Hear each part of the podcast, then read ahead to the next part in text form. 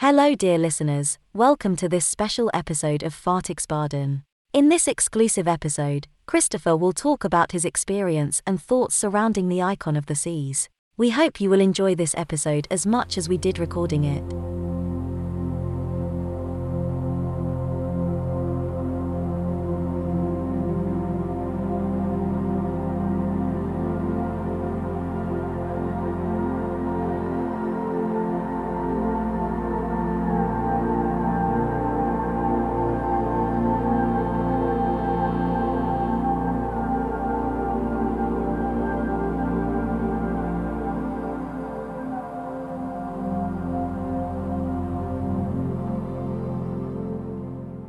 Icon of the Seas.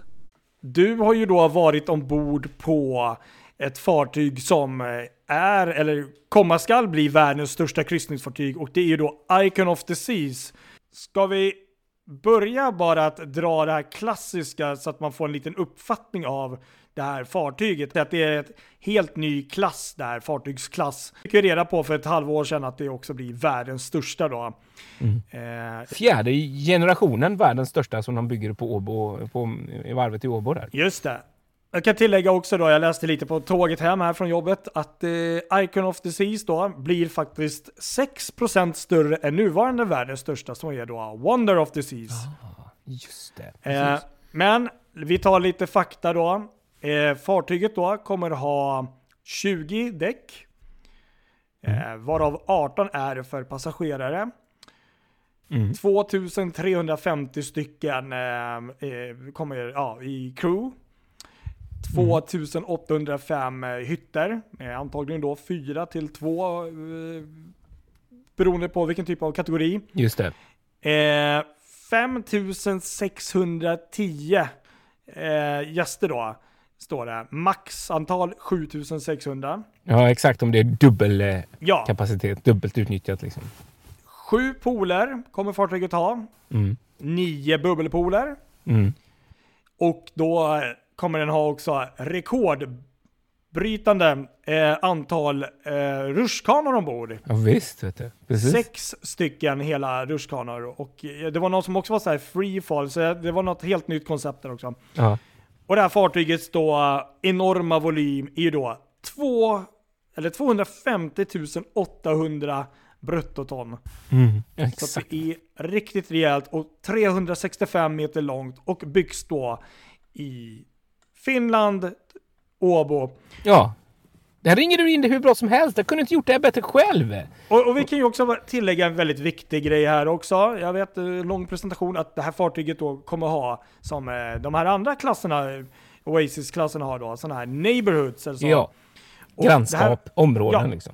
Och det här fartyget kommer ha åtta stycken eh, sammanlagt. Och jag, jag tänkte ja. jag bara dra igenom dem lite fort så kan vi återkomma till dem. Ja, kan vi göra.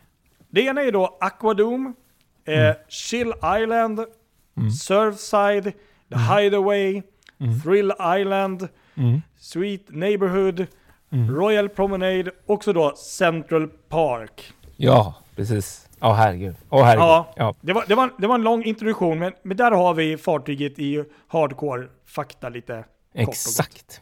Och då måste jag säga att, att det här var ju en fantastisk möjlighet som jag fick genom Sjöfartstidningen där jag jobbar som, eh, som blev inbjudna. Eh, Royal Caribbean och tillsammans med varvet med Turku gjorde ett, ett, eh, ett litet pressevent för, eh, ja, för press helt enkelt. Mm. Att komma, en chans att komma ombord och kika hur fartyget såg ut så här långt. Eh, och det var ju alltså bland det häftigaste jag har gjort måste jag säga. Jag har aldrig varit på ett kryssningsfartyg som inte varit färdigt ännu. Eh, och fartyget är, det fick man ju höra när vi var där, eh, är färdigt till eh, strax över 70 procent. Eh, hela projektet inklusive designfasen är lite mer än 80 procent färdigt då. Och det roliga är att när man går omkring överallt så syns det ju inte. Då tänker man ju så lite grann att ja, men då är det väl klart på vissa ställen. Men nej, ingenting ser klart ut. Men det var också som, som legendaren Harry Kulevara som ju är eh, nybyggnadsansvarig där på Royal Caribbean och som har rötter från Östersjön och som ju bland annat har jobbat med Silja Symphony och Serenad. Han var på plats där också. Uh, han sa det att uh, det är de sista 10 procenten som är de här sätta upp panelerna, lägga mattorna, göra det snyggt för gästerna. Resten av arbetena är ju det som man som passagerare aldrig ser. Det som är bakom. Alla kablar, alla strukturer, allt sånt som jag såg nu liksom. Hela skelettet. Så jag har sett Icon of the Seas skelett verkligen, bokstavligt talat.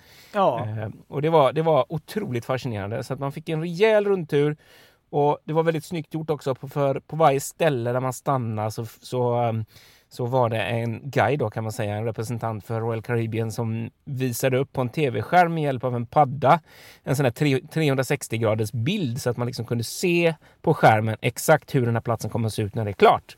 Det var som en eh, rendering då så att man liksom fick, fick uppfattning där vad det var man såg. För det var lite svårt att identifiera när man bara ser en byggarbetsplats med stål och kablar ungefär. För det var det det var. Verkligen. Ja men precis, jag såg lite bilder där som du hade skickat. Mm. Och, eh, ja men det, det, det är svårt att sätta ord på det tänkte jag säga. Men, men det, det, det är ju som, det är ett skelett liksom. Ja. Det är som du säger och eh, det är ju svårt kanske ibland att riktigt se helheten när man ser det så. Men det, det är ju, vad jag förstår så är de ju väldigt duktiga på, på varven oftast och uh, visuellt kunna visa med bilder och sånt så man får en uppfattning. Och, ja. um, det är inte så många som kommer kanske ha den chansen att även om någon blir färdigbyggd, vilket säkert blir fantastiskt att gå ombord på då, så att ha sett det innan är ju liksom, det är som du säger, det är inte varje dag man får göra det på ett kryssningsfartyg.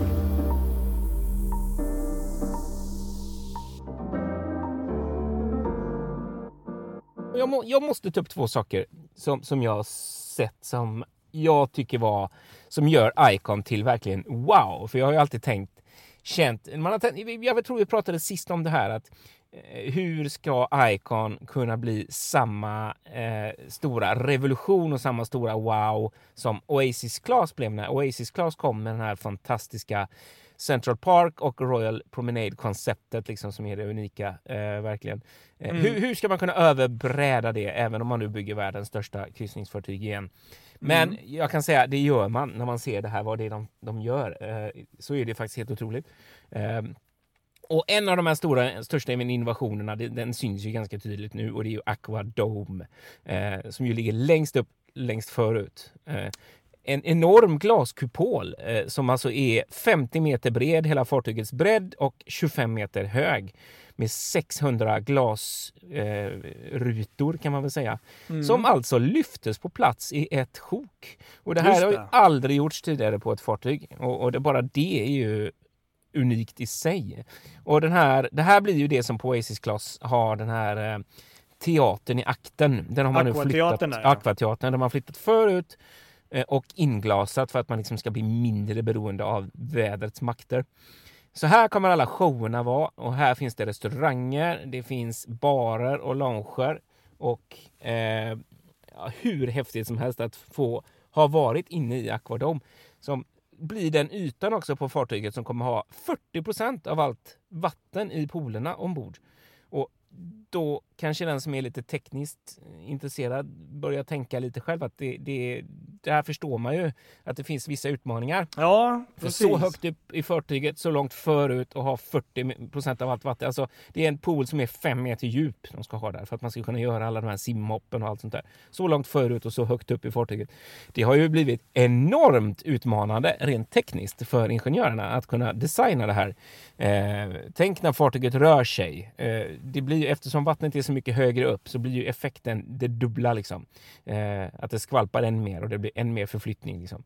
Och är än mer påfrestande på skrovet. Men, men eh, de har liksom gjort beräkningar och fått ihop det här så att det, det, det funkar liksom. Och det, det är fantastiskt. Det är ju det, precis det du säger där, det var det första jag tänkte på. Alltså, för att eh, de som har varit på Oasis Class, eh, den här Aquateatern-akten, det är ju det är klart, de påverkas ju av vind och, och eh, vågor där också. Och så tänker man ju då, okej okay, inomhus, det är ju bra. Då, då, då slipper de ju vinden framförallt, tänker jag då. Mm. Att fartyget rör sig, det kommer man ju inte undan. Men, men, här har man ju lagt det högst upp som du säger och eh, längst fram. Och det, det är där jag tycker det är intressant att eh, hur, hur man då eh, på något sätt tycker att det här blir bättre. Men, men eh, jag, jag litar ju på designerna, alltså de, eller på de här ingenjörerna. De har nog eh, tänkt till både en, två, tre, och fyra, fem och 45 gånger. Ja, och, verkligen. Så. Men, men, och vi men som har varit på, jag måste flika in och säga det, för att vi som har varit på Voyager, eller Wonder of the Seas,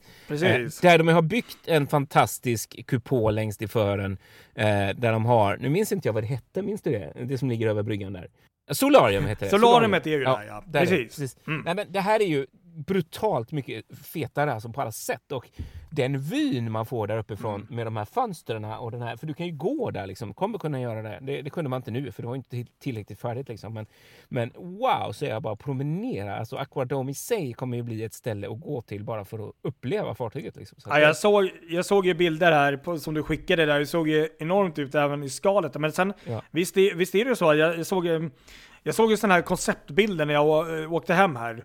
Att Ja. Det är liksom som upphöjda små ö, öar liksom runt omkring där inne som Ja, eh, man kommer kunna sitta och- sitta och... Precis va, exakt. Mm. Verkligen. Ja. Men sen måste man ju säga något också. Det som är så jäkla kul då, för då var ju eh, en av de som var på plats där eh, i egen hög perso- person på eh, Aqua, Aquadome, det var Nick Vier som är underhållningschef på Royal Caribbean som berättar lite grann om vad de ska sätta upp och vad de ska göra med Aquadome.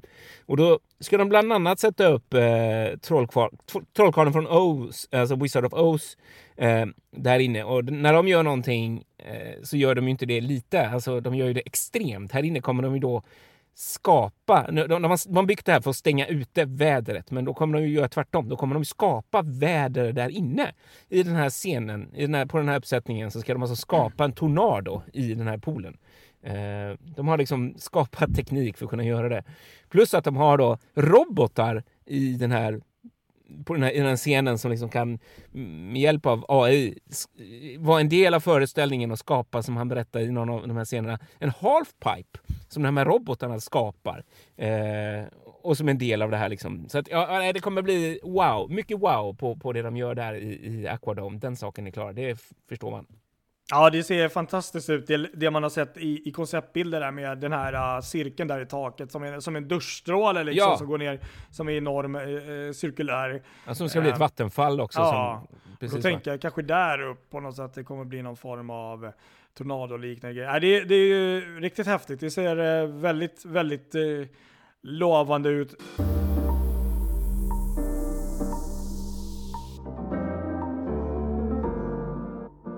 Men, men det var det första där. Du sa att det var två saker åtminstone. Ja, eller det var det första. Jag ska Ja. bara säga också, måste fylla i och säga att jag är lite unik. Faktiskt, Ja. det här kan man titulera sig med, för jag eller vi alla som var med i den här pressvisningen har fått se den första eh, officiella eh, showen någonsin på Icon of the Seas. Ja, okej. Eh, det var en artist som hade då stukat in eh, högtalarsystem och ljud och ljusteknik redan i Aquadome. Och Oj. så var det en sångerska då som uppträdde eh, med ljus och ljud. Så att man fick någon form av känsla om hur det kommer bli. Eh, Man fick tyvärr inte filma och fota under själva uppträdandet då för att det, ingenting är ju klart där. Men det var ändå lite häftigt, själva grejen, att man faktiskt har sett och är bland de första som har sett ett uppträdande i Aquadome. Det tycker jag var roligt. Och, och, hur, hur var ljudet? Jag som är ljudnörd. Alltså var det var ju bra, men där måste jag jag också säga då att det här är långt ifrån säkert att det faktiskt är det ljud som kommer bli sen när det väl är klart. Eh, eftersom det är en byggarbetsplats. Så att vart man än gick på fartyget så hörde man ju konstant vinkelslipar och svetsar och eh, brummar och det var slammer och metall. Så att det var ju verkligen som att vara på ett varv överallt. Det var ju inte tyst någonstans. Nej, men det kan man förstå. Ja. Så är det ju. är Det, det det är ju sällan så på arbetsplats. Exakt, liksom. så är det. Byggarbetsplats. Vilket gjorde det otroligt som en kuliss. Men som du sa, en sak till som jag verkligen är wow, som verkligen var det som jag tog med mig mest från besöket på Icon of the Seas. Det var det som vi faktiskt inte riktigt vet vad det ska bli än. Och det är The Pearl. Alltså nu är vi nere på The Royal Promenade. eh, Precis. på däck 5, däck 6. Och så är det som en, jag tror säkert många som vet och som lyssnar på detta så här långt eh, vet att det är som en kula. Eh, Det är en trappa och vi fick faktiskt gå igenom den här trappan. Ja, det var ju samma sak där. De har ju inte riktigt avslöjat alltihopa om den här så att det var väldigt mycket hemlighetsmakeri att man fick inte filma och fota när man gick igenom där. Men då när vi gick in där så fick man faktiskt se det här Eh, alltså de satte på ljud, de spelade den här eh, Royal Caribbeans Coco K, de som har, eh, den här låten som de har mm, på Coco K Island där. Eh, och så var det ljus och så var det liksom de här glasplattorna som rörde sig till musiken på väggarna inne i The Pearl. Ja, eh, häftigt. Ja, så det var verkligen en visuellt väldigt häftigt. Men sen så var det fortfarande så att man förstod inte riktigt vad det var man såg. För att man vet inte riktigt vad tanken är med, med själva The Pearl. Men det låter jättekonstigt då. Hur kunde det här då vara det häftigaste jag såg? Jo, eftersom The Pearl, jag förstod det rent ingenjörsmässigt, så är alltså The Pearl en av de mest vitala, centrala delarna i hela konstruktionen Icon of the. Det är The Pearl som bär upp hela fartyget. Eh, och det är eftersom man då vill ha de här enorma panoramafönstren. Ja, just det. Pa, eh, promenaden, Royal Promenade där, så, så blir det ju svårt med, med bärigheten. Liksom. Och då har man byggt den här The Pearl-lösningen liksom, som bär upp hela Central Park som ligger ovanför eh, och hela därmed hela strukturen på fartyget. Så det här är liksom en enorm eh, innovation och det är, själva The Pearl har liksom samma, samma vikt som en, eh, nu, får, nu är du flygexperten här, men en eh, Boeing 7 737 tror jag de sa. Eh. Okay. Ja. Kanske. Ett flygplan i alla fall. Ett mm. flygplan. Mm. Ett stort flygplan. Eh, och det är, ja, det är extremt central del av, av, fartyget och mycket vikt som liksom ligger centrerat i den här eh, funktionen då, The Pearl, som i sig kommer bli en, en, en, eh, en väg att ta sig upp till The Central Park från Royal Promenade. Liksom. Ja, när jag satt på tåget här och läste där om, om, om det här fartyget, så om jag förstår det rätt så verkar det ju som att The Pearl är, eh, i alla fall på vissa ställen, eh, verkar det vara där man går igenom, kommer ombord på fartyget som en sån här första Exakt. grej. Mm. Och det, det är det, det första du möter. Det är ja, där man det, kommer in som gäst liksom. Och det låter ju riktigt eh, häftigt. Och, och, jag tänkte också att det måste ju vara någonting visuellt där som säkert eh, fångar den i just det där. Men sen eh, i själva The Pearl när man går igenom kan jag tänka mig. Men sen eh, är det ju fantastiskt också, just som vi snackade om tidigare, att de här superstora fartygen i alla dess slag och rederiet det oftast blir lite instängt där och då, då, då, då, är det ju så härligt utifrån det man har läst och hör att äntligen så släpper de in då det här uh, riktiga ljuset i, i, i någon del av det i alla fall så att man får ja. lite den här känslan av att uh, det är dagsljus och att Eller havet... hur! Och det är det här vi har pratat om och det är det här som mm. jag tycker är så roligt för att uh, och det var någon som nämnde det också att det här blir lite Radiance Class som ja, men precis. och som förenas med det man har gjort, det fantastiska mm. som man har inom Royal och genom Harry, Harry Kullivara faktiskt tagit fram då eh, genom Voyager Class och Freedom Class fram till Oasis Class och nu då Icon Class liksom. Så det är liksom alla de här klasserna ihopbakade till det som de själva uttrycker då ska bli the best family vacation ever. Och det är ju liksom det budskapet som hamrades in verkligen i, i alla som var där, att det här ska bli världens bästa familjesemester. Eh, och det märker man ju, överallt är det ju genomtänkt för familjer. Eh, och vi fick gå in och titta på några hytter, bland annat någon sån här Family Infinity Balcony hytter.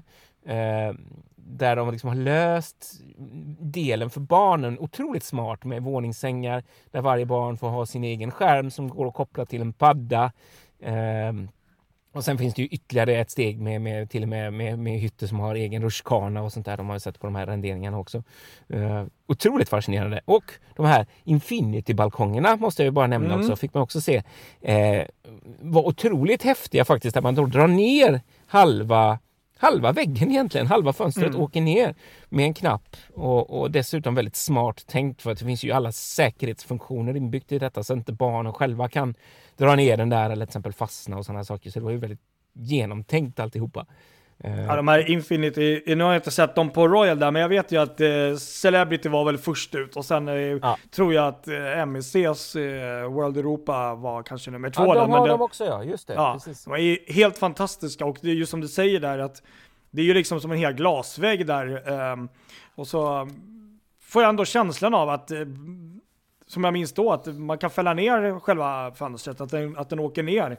Men det ja. blir liksom aldrig riktigt så lågt som ett eh, som en balkong, eh, liksom reling. Så jag, jag, tror det, det, är ganska safe överlag känns det som. Precis, verkligen, verkligen.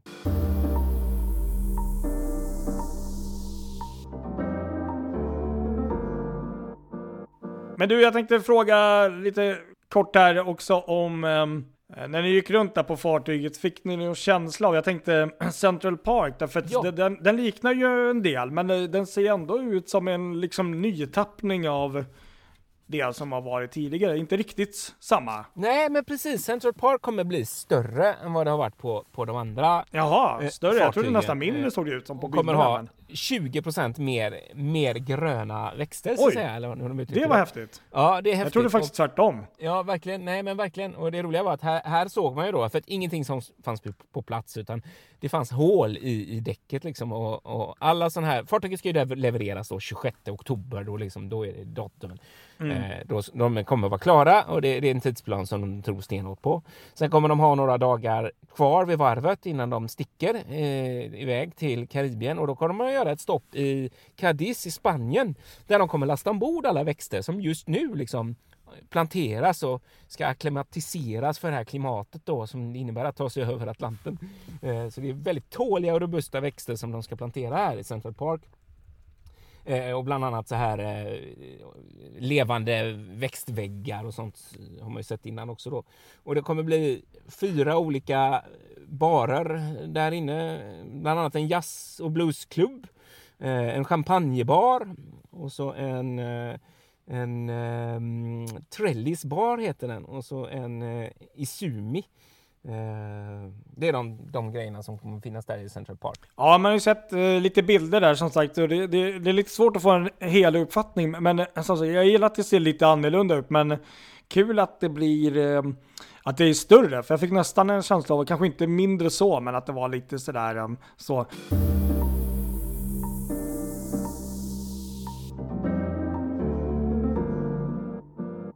Man har känsla av, eh, jag tänkte den här enorma vattenparken som de ska ha där uppe med ja. de här sex stycken uh, rutschkanorna där, uh, ja. Thrill Island. Thrill fick, Island ja. Precis, fick man någon känsla av det i jo, nuläget? Och där har de ju kommit ganska långt. En del av de här rutschkanorna, sex stycken rutschkanorna som du nämnde i början, har kommit på plats.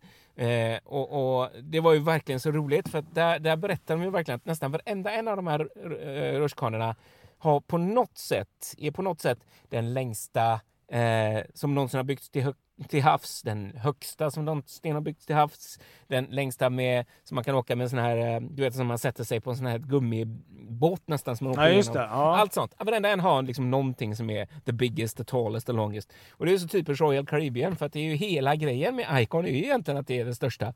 Även om de kanske inte riktigt säger att det varit meningen, men det, det har nog varit det för att det, det, det ja, nej, det kändes, det genomsyrade verkligen Royal när man går i Trill, Island där att det ska vara störst, bäst, så helt enkelt. Men det, det, och så fick man ju se den här stora enorma loggan som sitter, sitter på sidan, den här Royal Caribbean Crown and Anchor. Eh, som är 15 meter hög och som alltså man kan klättra ut på på sidan. Eh, som har en sån här rope, en sån här klätterbana då. Just det, ja. Där plötsligt ett av de här stegen det sista steget bara rasar ner under dig och så finns det ingenting längre utan det är bara hav och så åker du i en sån här liten bana in då igen.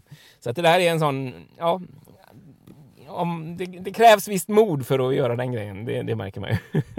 ja men det kan jag förstå. Jo, det gäller att inte vara alltför eh, höjdrädd, eh, det hör man ju. Eller hur? Ja, det finns ju så mycket just med det här fartyget och det, det som jag tänker lite generellt på, nu hoppar jag från ett annat fartyg, det är ju just att i nuläget så byggs även ett, eh, ett sista Oasis Class-fartyg. Ja, precis. Som jag nästan känner lite, vad händer med det? För det, det är ju liksom, all fokus är ju på Icon. Ja, eh, eller hur? Det, det, känns som att, eh, det här är ju kanske inte frågan för dig kanske, men jag tänkte vad, vad blir ny möjligheter på den och vad blir förändringar? Det känns som att har man glömt bort det? Nej, det har man säkert inte gjort, men Nej. du fattar vad jag menar liksom. Ja, jag vet. Nej, men det promotar... nämndes faktiskt när vi var där, mm. Eh, för vi hade en sån panel där med... med, med... För, för, det blir ju, om jag förstår det rätt här, nu, nu är jag lite på här. Det ju, blir ju då, om jag förstår det rätt, eh, första Oasis Class-fartyget som inte blir världens största kryssningsfartyg. Ja, faktiskt, det har du väldigt rätt i. Utopia ja. of the Seas. Men de har en plan Utopia, för ja, det här fartyget. Som de inte heller, för de är ju lite hemlighetsfulla med allting där. Och ja, de har inte riktigt gått ut med exakt hur hur eh, allting kommer bli. Men om jag fattat saken rätt så kommer den ju skilja sig lite grann mot de andra. Det, det, men det, ja precis, men det, det förväntar jag mig att det, så, så är det ju.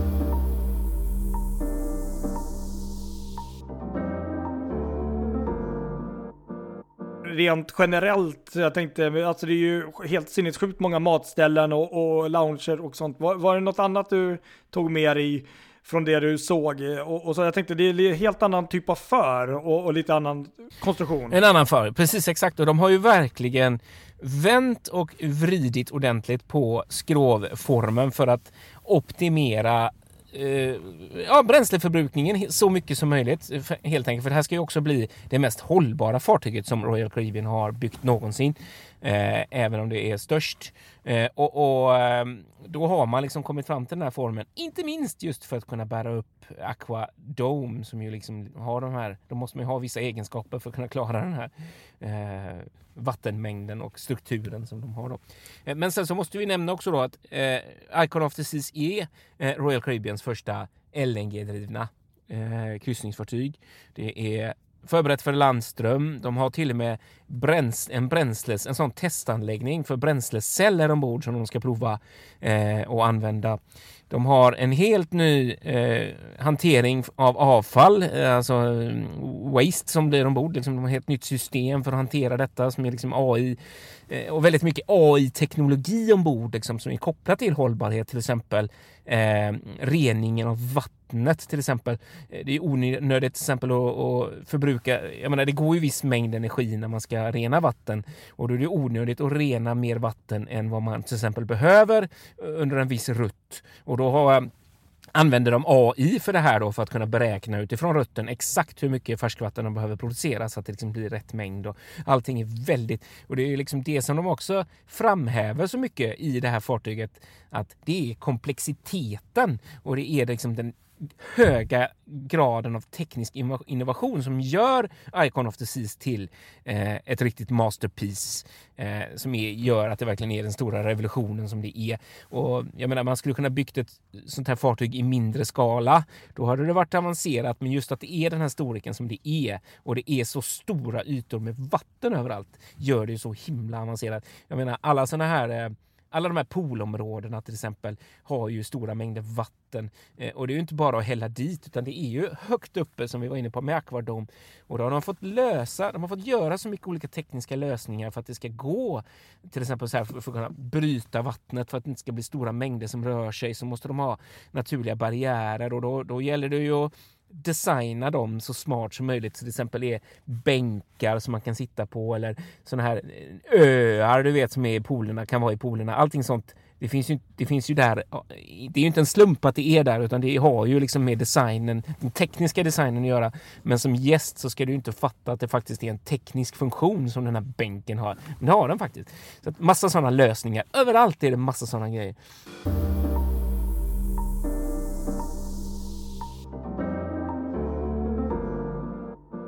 Och en annan sak som också var väldigt, väldigt rolig som jag såg. Eh, visste du det att ett fartyg måste ha sitt namn eh, insvetsat, alltså i stål? Nej. Ja, tydligen så är det så. Och grejen är, själva designen med Icon of the Seas, då kommer de ju ha namnet. Det har man inte sett riktigt ännu, men då kommer det vara målat med jättestora bokstäver på skrovet. Eh, så att du liksom ser hur det kommer uppifrån vattnet, du vet så. Eh, och det är ju målat liksom. Men då måste de ju ha det ditsvetsat svetsat också. Så i fören, ganska långt upp, så finns det faktiskt en liten, liten, bara någon meter hög Icon of the Seas namntagg. Och det är just därför.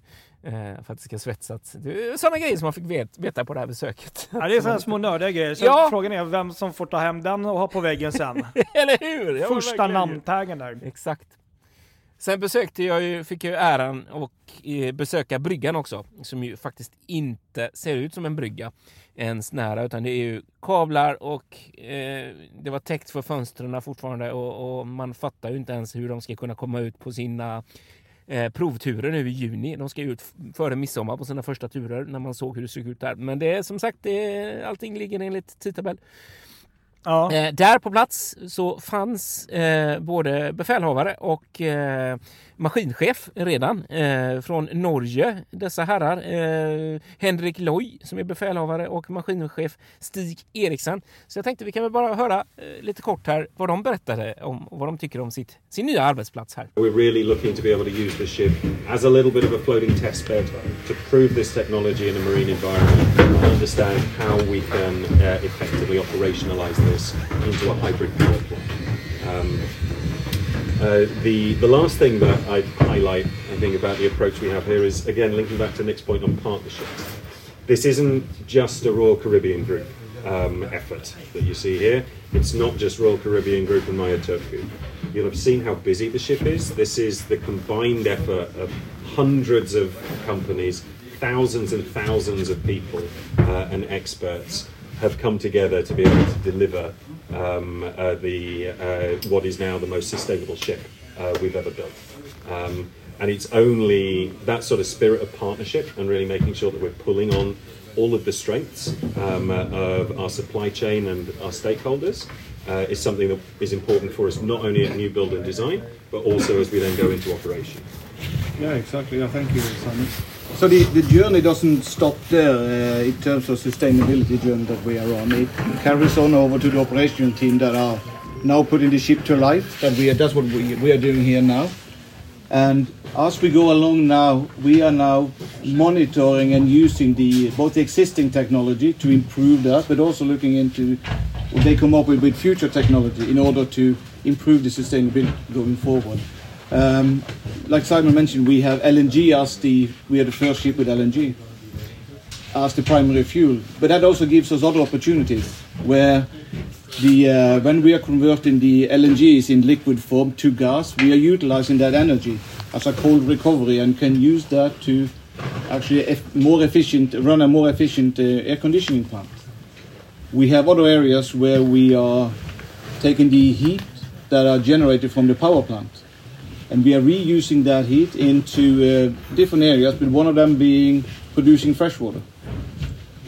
We are using the same thing for the uh, so-called MAP system, where it's a new waste uh, process uh, technology that we're going to use here for the first time on uh, in our fleet, or everywhere actually, um, where we through that process we can also the heat that is generated through that process we also extract and we reuse that for again, one part is the freshwater production part of it, uh, and we're also using that to create steam on board the ship that we use for heating and, and other areas. So the journey doesn't stop here. There is a lot of other areas where we are utilizing the technology today, but we're also using artificial uh, intelligence to continue to develop. We are using that for um, freshwater management, for instance, that over time will teach us for each itinerary where is the best and most optimum path to the most efficient way of running the freshwater plant. There could be areas where you have a short part, short time between two ports, might not be so efficient. There is other areas where you have longer time at sea between two ports. You could have two days at sea. Um, then it might be more efficient. So through gathering all those data, so we have a complete separate system that helps with that. We have other systems that the captains are using to optimize routes and voyages, etc. etc. So, in order, we are capturing all those things on, on our way to run the ships as sustainable as possible. And as they all mentioned, the journey is not over. It's just one step at a time towards more and more improvement as the technology evolves and as more and more we learn. And the operation team can provide feedback back to the new build team, and the cycle continues. So why why am I here today? Why is the captain here already? You might think. Yeah.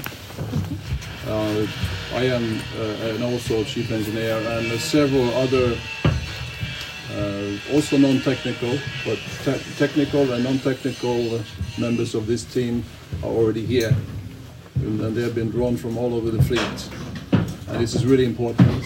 We are, as you have heard, going to be the most sustainable ship that Royal Caribbean has ever built.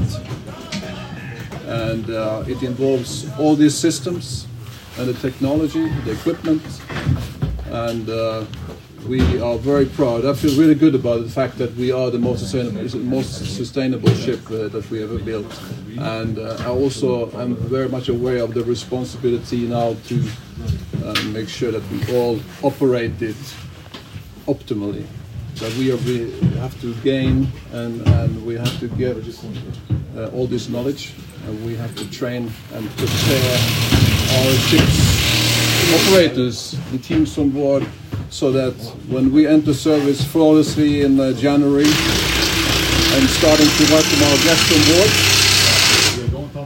and we'll deliver the best family vacation on earth in the most sustainable way that we've ever done. But from here until then, we have to acquire a lot of knowledge and we have to gain a lot of proficiency and confidence and, and that is the journey that we are on now uh, here on board. More and more crew will arrive, and uh, systematically we uh, train and uh, and build the confidence and the proficiency that is required to to uh, see this through and make sure that we can operate as the most sustainable ship in the, in the fleet, and, and of course delivering the best family vacations. So that is our task, and we're thrilled, really honored to be here and to, uh, to be part of this. And uh, I do thank you for your uh, interest and for being here today. Any questions? The engines that run on uh, today's fuel, uh, can they be transferred and, and, used for, for instance, methanol, or how do you think about that? So the, the engines we have today, they are dual fuel engines, so they are running primarily on LNG, but we also have the option of MGO. Um, the uh, they are possible to run them on future fuels, but that requires a bit of modification and, and changes through the en engine manufacturer, which we are working very closely with. We have a great partnership with engine manufacturer, and we are continuing to develop and improve the operation of, of the uh, of the engine. So the uh, I think the uh, there is no limits in the future where we can go with this, but we've taken one step at a time. LNG is the primary fuel that we are working on now, and as these uh, the improvements are happening, we will work together with the uh, engine manufacturer and then carry on that process of, of development. the fuel cells that you are using as a test bed here, how much uh, power will they be able to produce? The installation is designed for up to 600 kilowatts, um, but it's going to be a test and prototype. It's not about total output. This is about how do we, how do they behave in a marine environment? How do they behave when we start putting them under the sort of stresses um, that we would put them through uh, as a larger plant? And then what do we learn about the integration from traditional power plants to fuel cells to all the waste heat stuff recovery we're doing? Because all of that is producing power, but you need to make sure it's melted correctly. Ja, verkligen intressant där och kul att, att det är sånt jätteintresse för eh, eh, från de andra fartygen att eh, jobba på Icon of the Seas. Det, det är otroligt och det, det, kan jag verkligen tänka mig att det blir så. Att, att, eh, att alla dras till, till en sån här nytt projekt. Verkligen, verkligen. Ja, det är väl så när det är, som du säger, helt eh, nyskapande på sitt sätt och, och det är inte en i mängden där utan det är, det är nytt och, och, och eh, ja, alltså fräscht liksom. Så att jag kan väl tänka själv att om man jobbar i, i, i rederiet i någon form så vill man kanske förnya sig och, och, prova på det. Man vill ju vara där det händer liksom. Ja, eller hur? Verkligen. Ja, men helt klart så. Verkligen. Eh, sen så måste jag kort bara nämna, man kan ju prata om varenda område i detalj, men en sak som jag inte visste fanns som var väldigt rolig som vi fick gå in i som också var lite så här hemlighetsmakeri. Vad är det vi ser egentligen? Det var eh, den mest exklusiva restaurangen ombord på fartyget. En liten restaurang eh, för ungefär 30 personer, inte mer än så, som tydligen skulle bli så, alltså näst intill Michelin-klass liksom. Så, så hög klass på maten så att det är nästan är snuskigt. Eh, men bara för 30 personer, så att det är en väldigt liten, liten restaurang då. Eh, men som man såg ljusa vita bågar då i taket som de hade liksom kommit fram i konstruktionen. Men så mycket mer än så kunde man faktiskt inte se för det var liksom byggen som pågick överallt. Eh, men det var lite kul faktiskt. Ja, nej men det, det, är intressant att höra. Jag kan tänka mig att det kommer nog mer information om de olika speciella eh, matställena och eh, ja, allt man kan göra ombord med, med tiden här. Eh, det är väl det som är fantastiskt också med eh, Royal Caribbean på många sätt. Att de är väldigt duktiga på att promota sina fartyg tycker jag. Liksom, och, Ja. och bygga upp den här hypen. Och, eh, många gånger så eh, finns det ju alltid en anledning för en hype tycker jag. Liksom. Men, men att de är, de är riktigt, riktigt duktiga på det. Liksom. Eller Och- hur? Och så.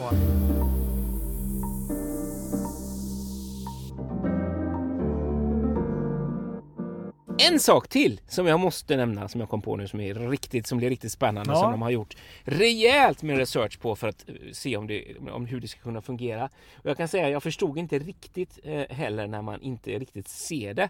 Men med ett fartyg där det potentiellt kan finnas 7600 personer ombord eh, så måste ju logistiken fungera. Jag menar alla de kan inte gå till eh, The Pearl på samma gång eh, för då Nej, blir det nej, kaos. Ja. Eh, Royal Caribbean har ju en jättelång erfarenhet av det här. De har enormt mycket data eh, utifrån och de kan, an, de vet och de har analyserat liksom alla mönster som hur eh, gästerna, hur, hur människor rör sig ombord på fartygen liksom. Så de har ju ett gedigen databas att gå från som de har använt när de har byggt det här. Ja, häftigt. Eh, Och då har de sett en sak som är intressant och det är just det här med hissarna. Ja. Där blir det ofta knökat. Ja, Eh, precis. och då har de försökt lösa detta genom att ändra strukturen i hur man åker eller hur man, när du går in i hissen. Så normalt sett så trycker du på ett däck och så åker du dit. Nu är det mer destinationsanpassat system som de kallar det. Att du ska till eh, du trycker in att du ska till eh, Thrill Island till exempel. Ja. Så det, då behöver du inte veta vilket däck utan du är dit och då ska liksom hissen per automatik på något sätt ha programmerats att Ja, här, här tappar jag lite eh, min kunskap i förhållande till hur smart det här systemet är måste jag säga. Men det- här är som ett helt nytt system, ett helt nytt sätt för gästerna att ta sig med hissarna till destinationen. rättare sagt. Eh, som de har testat på något av sina andra fartyg då och det har fallit väldigt gott ut. Och jag har sett att detta finns också i vers, diverse köpcenter och olika anläggningar. Att det liksom inte är siffrorna utan det är mer destinationsorienterat. Så det kommer man ha på Icon of the Seas också då för att underlätta logistiken. Så det blir väldigt spännande att se hur det fungerar i verkligheten sen när man väl kan se hela fartyget och inte bara en konstruktion.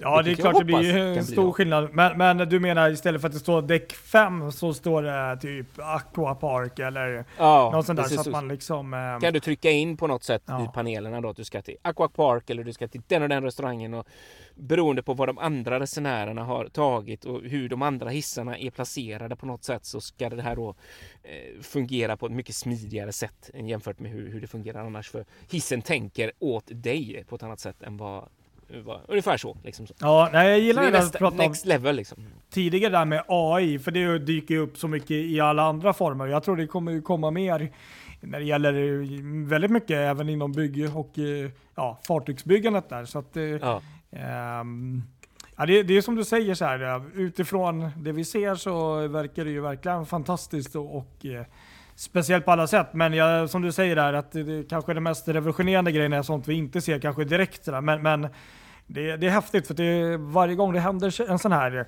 eh, superduper grej som eh, de nu kommer med här produkt Ja. så eh, är det ju också ett uppsving för de andra rederierna att eh, du vet ta efter och göra bättre eller förnya. Så att det här är ju Exakt. det är kul. Det blir kul att se vad de andra gör och eh, hur de kommer då eh, möta den här eh, Icon of Disease-klassen och, och så. Du Patrik, nu börjar faktiskt Mindshift 4 ge sig av här. Så jag tänker att det kanske är läge också att avrunda vårt snack om Icon of the Seas. Eller vad säger du?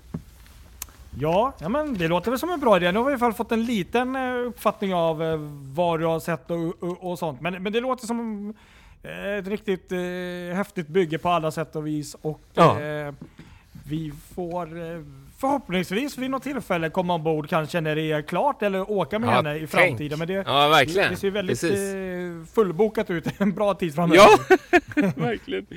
Ja, men det, man hoppas ju kanske att de skulle kunna göra någon form av pressvisning när hon är klar också. När eh, man nu har fått se när hon inte är klar. Men är har du någon, eh, någon, du har ju det här, du har ju publicerat någon artikel om det här lite grann också.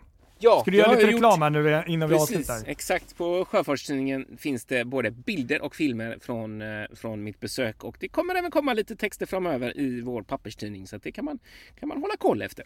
Ja, och är det någon fråga eller något ni undrar över så kan säkert Kristoffer svara på det i, i den form han kan. Verkligen. Ja. ja, men då säger vi som vi brukar. Ja. Tack att ni har varit med oss och det här lite speciella eh, poddavsnittet av, om Icon of the Seas och din, din upplevelse där och då ombord Ja, på precis. fartyget. Det säger vi, så får ni ha det så bra. Tack för att ni har lyssnat och följ oss i so- sociala medier. Jajamän, ha det bra allihop. Hej då! Hej då!